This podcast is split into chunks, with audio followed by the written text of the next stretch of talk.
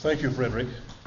And I, and I want to thank especially also Dr. Ronald Feuerhahn for his message this evening uh, at Vespers, which I think uh, really very aptly summarizes what I'd like to say to you in the next hour. Uh, that he, he gave it to you writ short, and I will give it to you bit, writ a bit longer, I think. I think we must begin, though, by saying that to speak about the cross in a proper Christian manner is, of course, to speak about the sacrifice of Christ for sin on the cross. We're not talking about just any old cross. The cross which Christ carried to Golgotha, there carried him and bore him up. He who was without sin was made to be sin for us, and as such suffered to death the full wrath of God against sin. It is Christ and Christ crucified with whom we are concerned in the liturgy. This sacrificial death of Christ is described by the writer of the Hebrews as the work of a liturgos. That means it is liturgia, a liturgical work, a work performed according to the terms set down in the law of Moses. In this liturgy, Christ is at once sacrifice, thusia, high priest, archierus, and liturgist, liturgos. What the church has from ancient days called the holy and divine liturgy must hold always to this center. The Church Catholic, both Eastern and Western, has always sought to do so, with varying success. And by doing so, it seeks to hold to the centrality of the cross in the Christian faith, and Christian theology, and Christian liturgy. The evangelical Lutheran understanding of the relationship of the cross to the life of the Christian begins with a liturgical act in the waters of baptism, in which each member of the body of Christ, his church, marked and sealed with his cross on the forehead and the heart, is both buried and raised with his Lord to walk in newness of life in the congregation through which through which through word and spirit he gathers around his word. This gathering around the proclamation of the gospel and the administration of the sacraments finds its center in the words of the Apostle Paul in 1 Corinthians 11, verse 26. For as often as you eat this bread and drink this cup, you proclaim the Lord's death until he comes. Most central to the liturgy, then, is the proclaiming of the death of the Lord until he comes. This proclaiming consists in eating this bread and drinking this cup. Paul does not speak of this liturgical anamnesis as the action of the community or its bishop priest in the celebration of the Mass as such. It is the eating and drinking of the bread and cup of the supper of the Lord which proclaims the Lord's death. Along with Christ's creating and defining words, tutesento sosomamu, and tutitense poterion, the Lord adds a command with reference to each one of them. Tuto poieta, this do. Concerning the bread, he says, Do this to my remembrance. And concerning the cup, do this as often as you drink it to my remembrance. It is the eating and drinking done in obedience to the Lord's own command, tutopoieta, which constitutes the real anamnesis, not the divine service or liturgy or Mass itself as a commemorative act, or any individual part of the Mass in isolation from the eating and the drinking. It is on this basis that the Formula of Concord speaks of the blessing, distribution, and consumption of the sacrament as constituting one total action outside of which there is no sacrament. This eating and drinking is the true anamnesis of the passion and the cross of Christ. It does not need the form of the Mass or the Eucharist. Indeed, the Mass is nothing without it. In the letter written in, 19, in 1533 to clarify his essay concerning the private Mass and the consecration of priests, Luther even goes so far as to suggest that the Church might do without the Mass altogether. May God grant, he says, to all devout Christians such hearts that when they hear the word Mass, they might be frightened and make the sign of the cross as though it were the devil's abomination. On the other hand, when they hear the word sacrament or Lord's Supper, they might dance for pure joy. Indeed, in accordance with genuine spiritual joy, cry sweetly, For I am very fond of the precious, blessed supper of my Lord Jesus Christ in which he gives me his body and his blood to eat and to drink, even boldly with my own mouth, along with those exceedingly sweet and kind words given and shed for you for the remission of sins. The sacrament then takes precedence over the Mass, both in its origin and its importance, and the Mass is nothing without it. One looks for terminological uniformity in Luther in vain. Luther is really not much concerned about the words. Words which are used as synonyms in one place stand elsewhere in mutual opposition. Luther uses Mass and sacrament both as synonyms and as antonyms.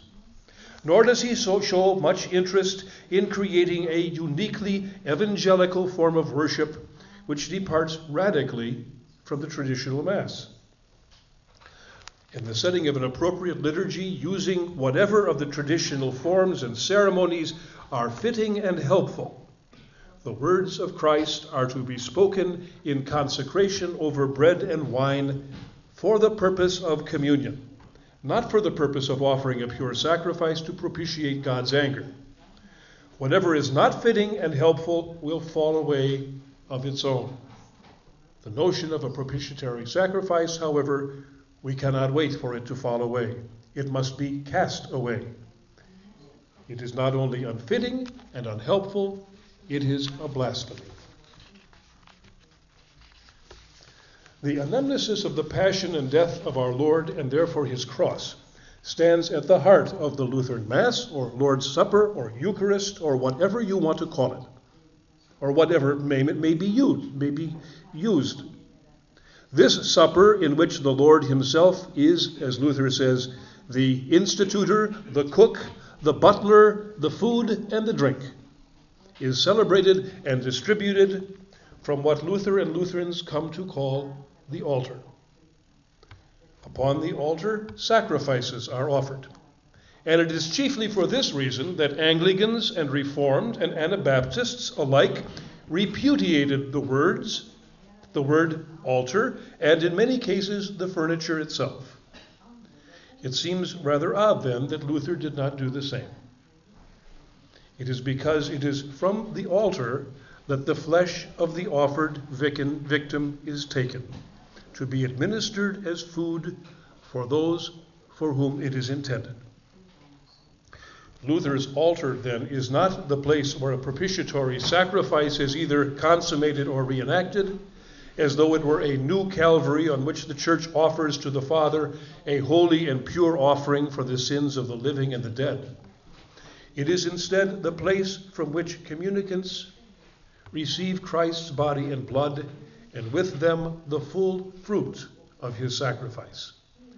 This altar stands between the assembly of believers and Calvary and draws them together gathered around the teaching of the pure gospel and the right administration of the sacraments, the church offers, yes, offers, praise and thanksgiving to God for the life giving sacrifice of Christ and receives from him the fruit of his sacrifice on the cross in his body and blood, in and under bread and wine over which his word of testament has been spoken or sung.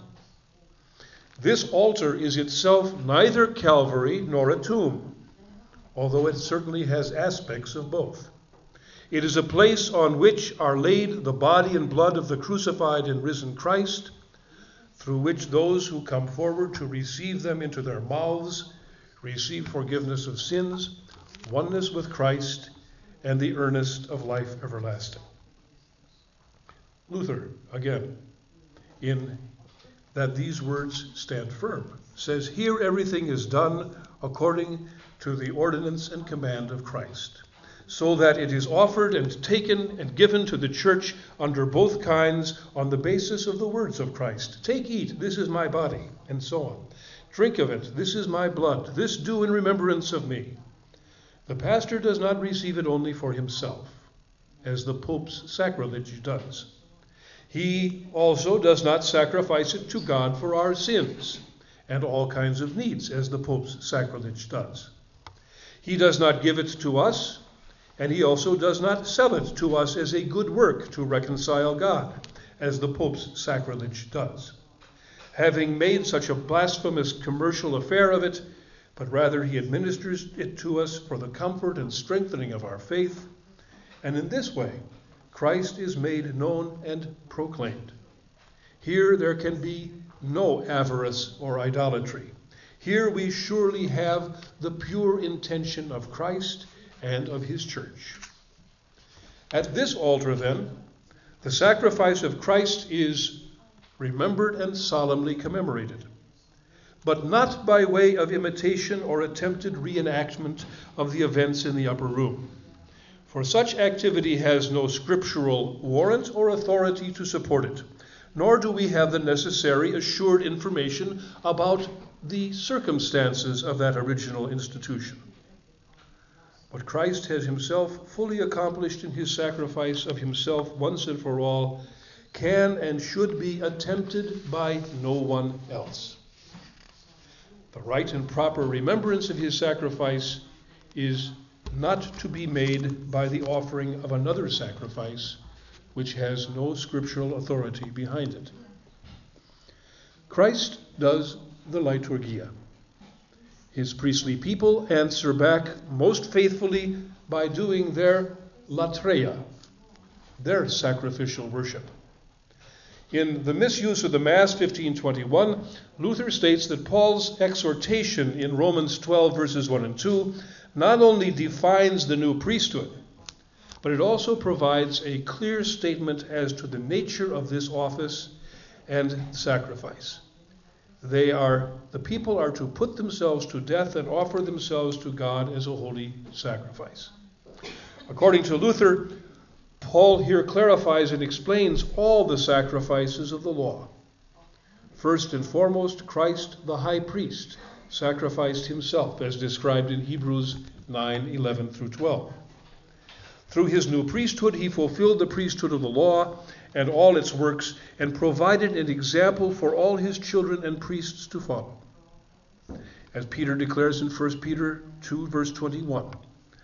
Therefore, furthermore, Peter says, like living stones, be yourselves built up into a holy priesthood to offer spiritual sacrifices acceptable to God through Christ Jesus. Luther writes, Is this not meant to refer to all Christians? Are not all Christians built like living stones upon Christ? And so, built upon him, they are his priests who sacrifice not irrational animals, but themselves, after the example of Christ. Spiritual sacrifices, when in the Spirit they put to death the deeds of the body, as Paul teaches in Romans chapter 8. What will our poor, miserable idols and counterfeits say to this? Does Peter here also make two kinds of sacrifice, as just as the mouth of falsehood has invented two kinds of priests for him? We are all commanded to make this sacrifice, whatever kinds of persons we may be. Therefore, the priestly office is incumbent upon us all. Hence, it is clear that we are all priests. Again, with reference to Paul's words in Romans 12, verse 1, he notes that a rational sacrifice is something quite different from the irrational, the offering of irrational beasts like cows and calves. It is the sacrificing of one's own bodily life to God, which is the common office of all Christians. Therefore, all Christians must be priests. The road Luther traveled to arrive at a full and mature understanding of the relationship of the sacrament of the altar to the cross of Christ is marked out by over a decade of treatises born of controversies on repentance, baptism, and the sacrament. Luther's earliest extended treatment of the Lord's Supper is found in his sermon Ein Sermon von den Hochwürdigen Sakrament uh, of 1519, which has in it no specific references to either proprietary or, uh, or excuse me, propitiatory or Eucharistic sacrifice. Luther would not come would come to clarity concerning uh, the nature of the sacrament and of the sacrifice only when he came was able to come clear on the nature of the sacrament itself. And that could only come when he had worked through the Augustinian understanding of the relationship between the inward and the outward in the sacrament and moved beyond it. The 1519 sermon represents Luther's first faltering steps in that direction. Following the Augustinian pattern, he explains that this sacrament, like every sacrament, consists in three parts. The sign of the sacrament, that which is outward and visible to the eye, the significance of the sacrament, which is inward and spiritual in nature, and the faith which is required for each of the first two, making them operative and useful. Luther preaches here that the sign of the sacrament is, of the altar is the form and appearance of the bread and the wine. These must be received or at least desired according to Augustinus's dictum only believe and you have already received. If any blessing is to be worked, transforming love must work it.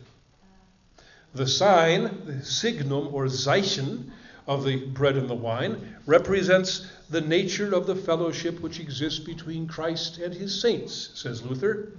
Many grains ground and mixed together into one loaf, many individual drops of wine losing their individuality in the oneness of the cup of wine in the supper. And this, he says, reminds us that inwardly the sacrament signifies the complete union and the undivided fellowship of all the saints of God with Christ and with each other. According to Augustine's understanding of the nature of a Christian symbol, the sacrament gives inwardly what it proclaims outwardly. The gift is fellowship, synaxis, communio, the communion of the church. Thus, to receive communion is to receive a sure sign of the fellowship between Christ and the church. And it's at this point, then, that the cross and the Eucharist come together. A fellowship in which all spiritual blessings and possessions are shared and held in common.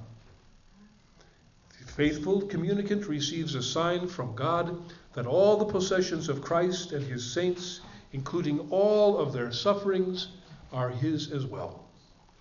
Here, help is found to fight against post baptismal sin along with the enmity of Satan and the sinful world, and all of which all which remain in us and assail us. The sign of the sacrament signifies the nature of the Christian's fellowship with Christ. He is counted together cum Christo. He suffers with him, lives with him, dies with him, and so on. Faith receives the sign and dwells upon their significance. By means of such faith, the spiritual body of Christ is discerned, and comfort and strength, strength are derived from the sacrament. In addition, such faith teaches the communicants to live together in harmony without discord, contentiousness, and lovelessness. But what is most profitable in the sacrament here is hidden from the eye and spiritual in nature. The res signata, the Bedeutung. So it is that the Christian is taught to put his trust in what cannot be seen. This faith and confidence, Luther says in 1519, is the chief thing in the sacrament. Therefore, the popular theological opinion that the Mass or sacrament is an opus gratum opere operata can be seen to be a dangerous interpretation and a hindrance of faith to faith. The real blessing of the sacraments are love and fellowship. Both strengthen the Christian in the face of evil and death, since by means of the supper he is brought into fellowship with Christ and the saints and all fellow Christians.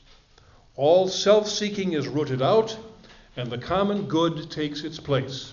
And love works such a change that a real unity and oneness of bread, cup, body, and community are created.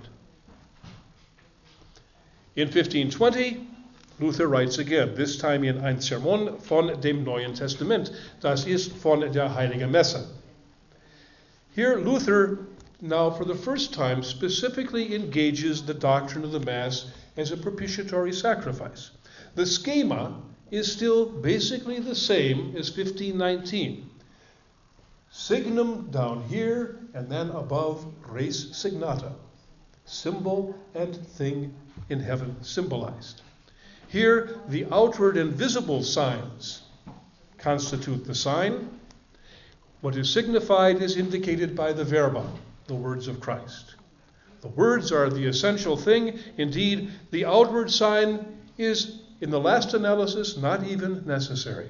One can be saved without the sacrament but by the testament to which the, out, the external sign points. What is outward, whether element or ceremony, is officium. It has to do with man and his world. But the blessing that which is attached to the words of testament, they, that is beneficium, blessing or benefit, God's work alone. Therefore, it is an abuse to regard the, the Mass as a sacrifice which man offers to God, since all the traffic is moving in the other direction. Catholic history makes it clear, Luther says, that this conception is entirely wrong. Those parts of the Mass which consist of the offering, including the offering up of the unconsecrated bread and cup, make it clear that these are acts of thanksgiving to God. Even in the canon, the elevation of the consecrated elements is not accompanied by references to a bloodless yet propitiatory sacrifice. Neither is there any reference to sacrifice in the administration or the reception. Luther writes If you ask what now remains of the Mass, that it is called a sacrifice, since so many words are said in the office about the sacrifice, the answer is nothing remains. For to be brief and direct, we must let the Mass remain a sacrament and testament which is not able to be a sacrifice any more than the other sacraments, baptism, confirmation, penance, extreme unction, and so on, are. Otherwise, we lose the gospel. Christ, comfort, and every grace of God. Therefore, we must separate the Mass clearly and distinctly from the prayers and ceremonies which are added to it which have been added to it by the Holy Fathers. And we must keep these two as far separate as heaven is from earth, so that the Mass may remain nothing else than the testament and uh, sacrament comprehended in the words of Christ. Now, this is another area you see where Luther's terminology comes to be a bit confusing. Here, Mass is being used for distribution the, the service in which the, the sacrament is consecrated and distributed, this he calls prayers and ceremonies. And these are still in 1520 and even later still regarded as sacrificial. The church's sacrifice of prayer, praise, and thanksgiving, and the individual's sacrifice of himself. At the same time, however, Luther strongly emphasizes that this sacrifice offered by the church is not an offering that Christians are able to make in their own persons, but we are to lay it on Christ and let Him present it for us. As St. Paul teaches in first in, rather in Hebrews 13. Let us continually offer up a sacrifice of praise to God, that is the fruit of lips that confess him and praise him, and all this through Christ.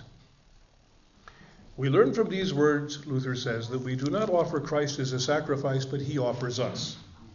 And in this way, it is permissible, even profitable, that we call the Mass a sacrifice.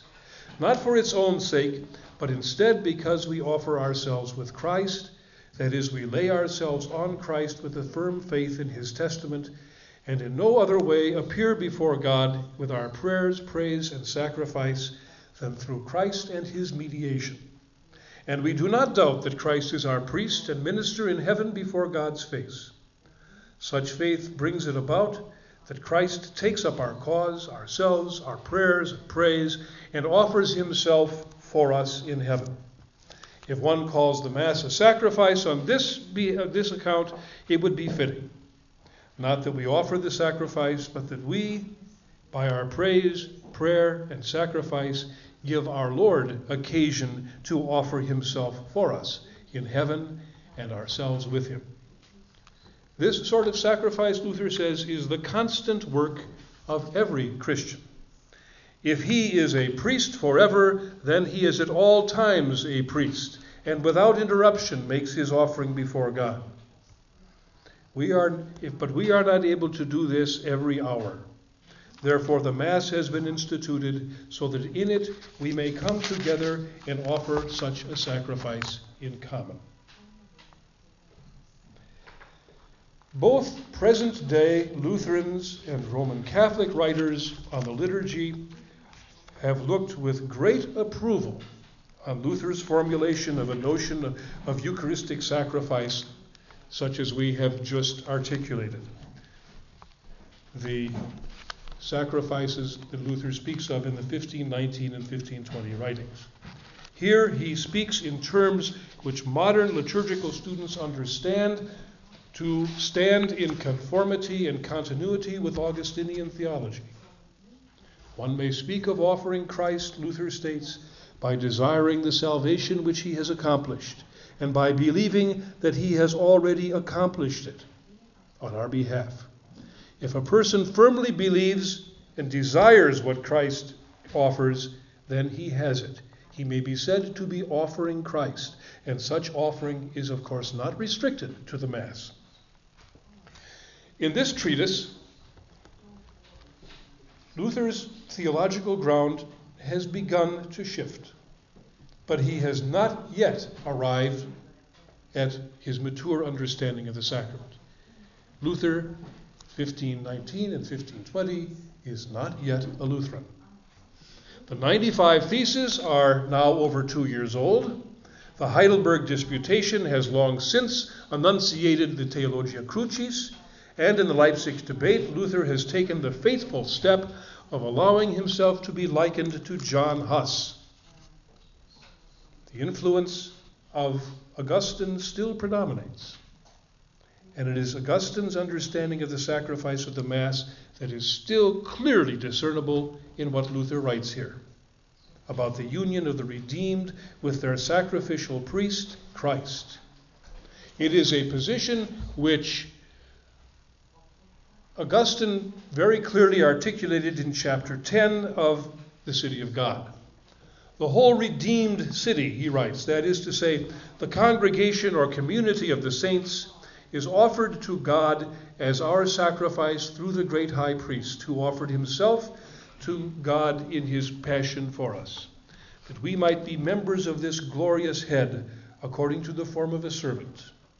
This is the sacrifice of Christians. We, being many, are one body in Christ, and this is the sacrifice which the church continually offers in the sacrifice and sacrament of the altar, known to the faithful in which she teaches that she herself is offered in the offering she makes to God. As important as Augustine clearly is in Luther's theological development, he, is, he by no means stands at the end of Luther's spiritual and theological development. Augustine himself never moved beyond the Neoplatonic pattern of thought which he brought with him at his conversion.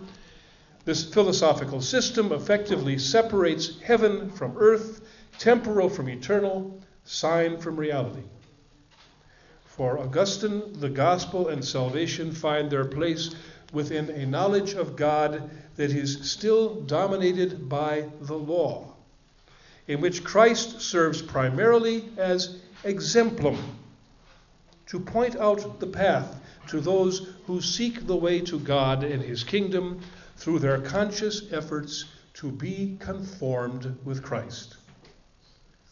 Luther moved beyond this notion to distinguish clearly between sacrifice and fruit of sacrifice, between the cross that Christ bore and that had borne him as a curse before God and man, and the means by which the redeeming the fruit of his redeeming work comes to us. So Luther writes in 1530. No, no, 1528.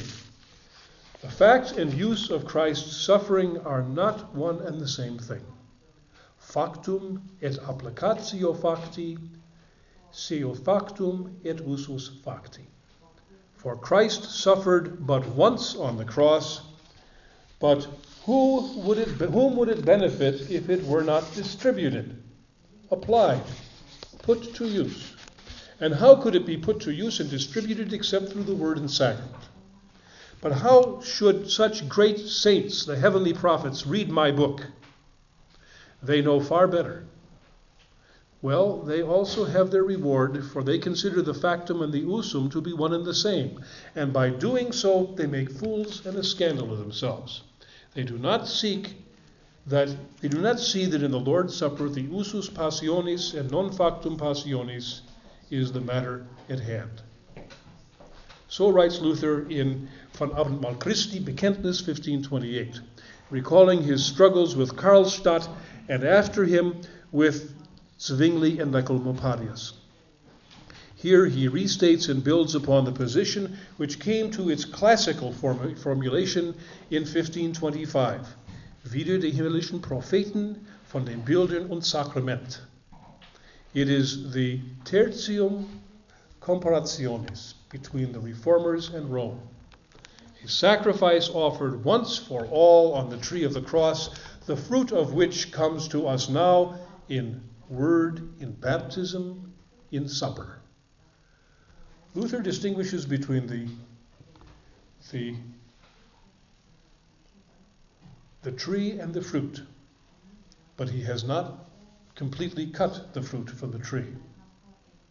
From this point on, Luther does not speak much about Eucharistic sacrifice, but it is not altogether forgotten. Once again in 1530, in the Vermahnung, that is the admonition concerning the true body and blood of our Lord, he again brings up the matter of sacrifice. Here, Luther notes that the Roman theologians call their Mass a memorial sacrifice, memoriale sacrificium, by which Christ's sacrifice on the cross is brought to mind and forms the object of meditation and, and uh, contemplation. Yet they do not think, he says, that I want to dispute about words. The sacrament is one thing, the remembrance of it is something else. He says that we should make use of sacraments and in addition, remember him. That is, we should teach, believe, and give thanks. The remembrance is surely a sacrifice of thanksgiving, but the sacrament itself is not a sacrifice. The sacrament itself is not a sacrifice, it is a gift from God, given to us, that we should take and receive it with thanks. For this reason, I think the, sac- the ancients called this office Eucharistia or Sacramentum Eucharistia, that is, a thanksgiving. So that according to the mandate of Christ, one should thank God and use and receive the sacrament with thanksgiving. With the passing of time, however, through misunderstanding, this word came only to refer to the sacrament. even that would have not been a bad thing, not, way of, not a bad way of saying it. If people were saying, I intend to go to the Eucharistia, that is, I intend to go to the Thanksgiving, the office in which one thanks and praises God in His sacrament, as it appears the ancients intended that it should be done. In the preface to the Formula Missae, 1523, having concluded his introductory observations about the elements of the Mass up to and including the Creed, Luther notes concerning the Missa Fidelium Properly understood, the Mass consists in using the Gospel and communicating at the table of the Lord. Inasmuch as it belongs to believers, it should be observed apart from unbelievers. And, but since we are free, this argument does not bind us, especially since everything in the Mass up to the Creed is ours, free, not prescribed by God. Therefore, it does not necessarily have anything to do with the Mass. Eighth, that utter abomination follows which forces all that precedes in the Mass into its service, and therefore is, it is therefore called the offertory. From here on, almost everything smacks and savors of sacrifice. And the words of life and salvation are embedded in the midst of it all, just as the ark of the Lord once stood in the idol's temple next to Dagon. And there is, was no Israelite who could approach or bring back the ark until it smote its enemies, his enemies, in the hinder parts, putting them to a perpetual reproach.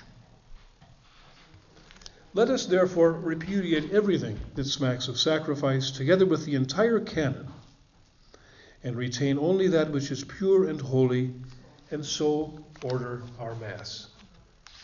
And so too in the abomination of, of the of Secret Mass 1525, he says much the same. Luther notes in his 1530 writing the admonition concerning the body and blood of Christ. That the priest can, of course, offer the sacrifice for himself alone, as other Christians do, as a demonstration of his thankfulness to God. If kings, however, the offering of the Mass as a sacrifice of works must cease, since it is completely improper. In the sacrament what is gotten from Christ is gotten in response to its obedience to the words of Christ, touto poieite. Again, going back to against the heavenly prophets, 1525. So that our readers may the better perceive our teaching, I shall clearly and broadly describe it. We treat of the forgiveness of sins in two ways. First, how it is achieved and won. Second, how it is distributed and given to us. Christ has achieved it on the cross, it is true. But he has not distributed, distributed or given it from the cross. He has not won it in the supper or the sacrament. There he has distributed and given it through the word, as also in the gospel where it is preached. He has won it once and for all on the cross, but the distribution takes place continuously before and after, from the beginning until the end of the world. For inasmuch as he has determined once to achieve it, it makes no difference to him whether he distributes it before or after, through his word, as can easily be proved from Scripture. But now there is neither time nor need to do so. So now, if I seek the forgiveness of sins, I do not run to the cross, for I will not find it given there. Nor must I hold to the sufferings of Christ, as Dr. Karlstadt trifles, with knowledge and remembrance, for I will not find it there. But I will find it in the sacrament or gospel. I will find the word which distributes, presents, offers, and gives me that forgiveness which was won on the cross. Therefore, Luther has rightly taught that whoever has a bad conscience from his sins should go to the sacrament and seek comfort. not because of the bread or wine, but because of the body and blood of Christ. Not even because of them, but rather even more deeply because of the word which the sacrament offers and presents, and by which it gives me the body and blood of Christ, given and shed for me. I hope, he says, that is clear enough.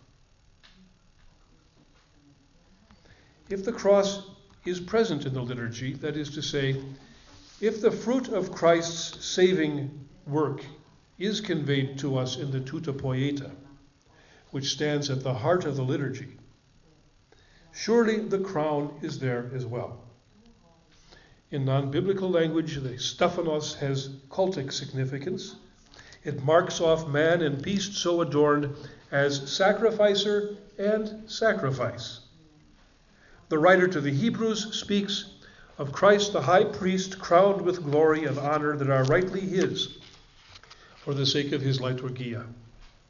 We see him, we see him who for a little while was made lower than the angels, namely Jesus, crowned with glory and honor because of the sufferings of death, so that by the grace of God he might taste death for everyone.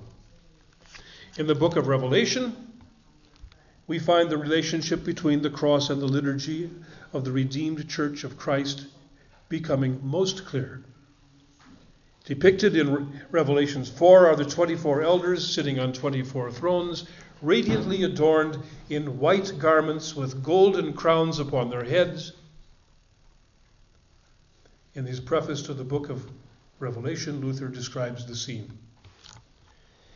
In chapters 4 and 5, there are, is prefigured the whole, of, the whole of Christendom that is to suffer these coming tribulations and plagues.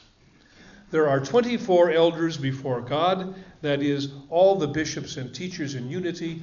They are crowned with faith and praise God, the Lamb of God, with harps, that is, they preach. And they worship him with censers, that is, they exercise themselves in prayer.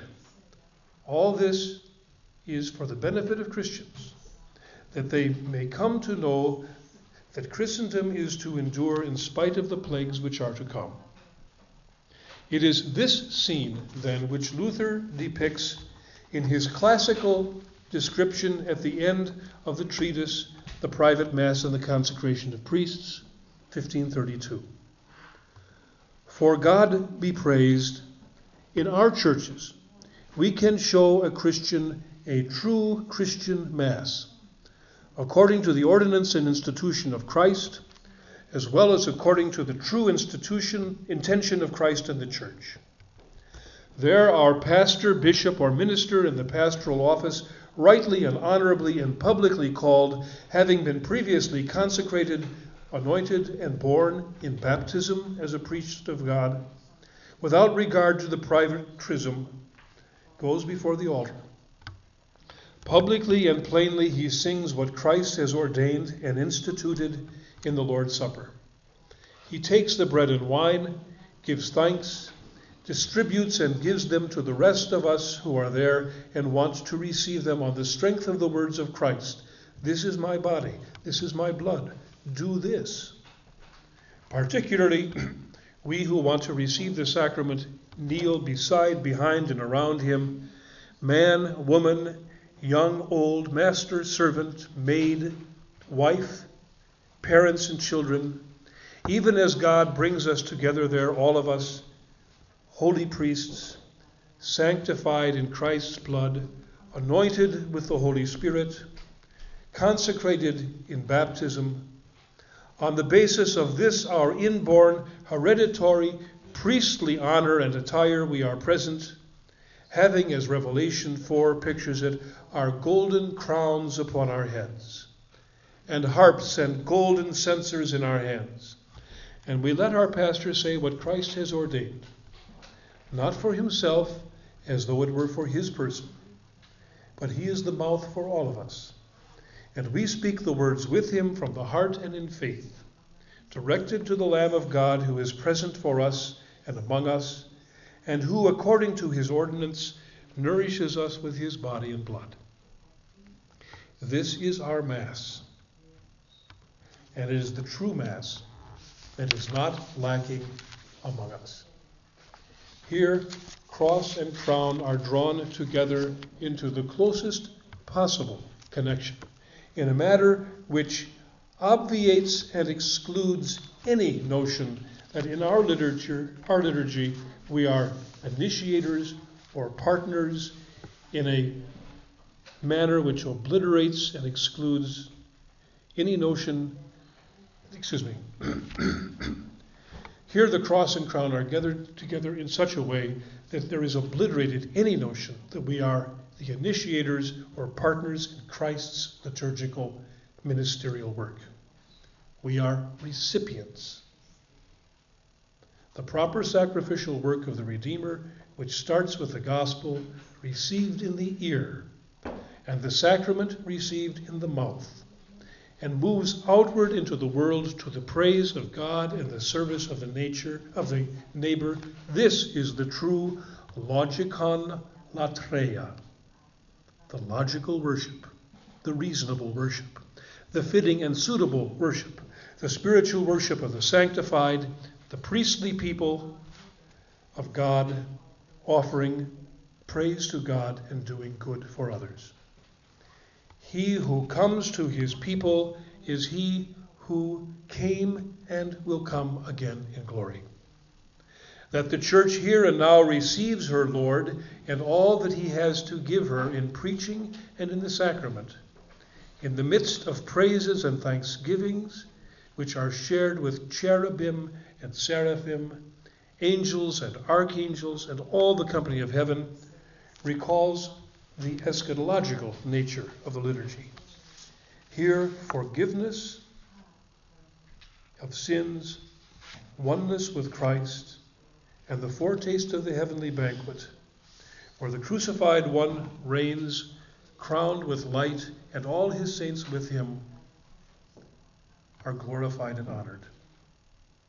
We are guests at the banquet of the Lord, called to taste and see that the Lord is good. Thank you.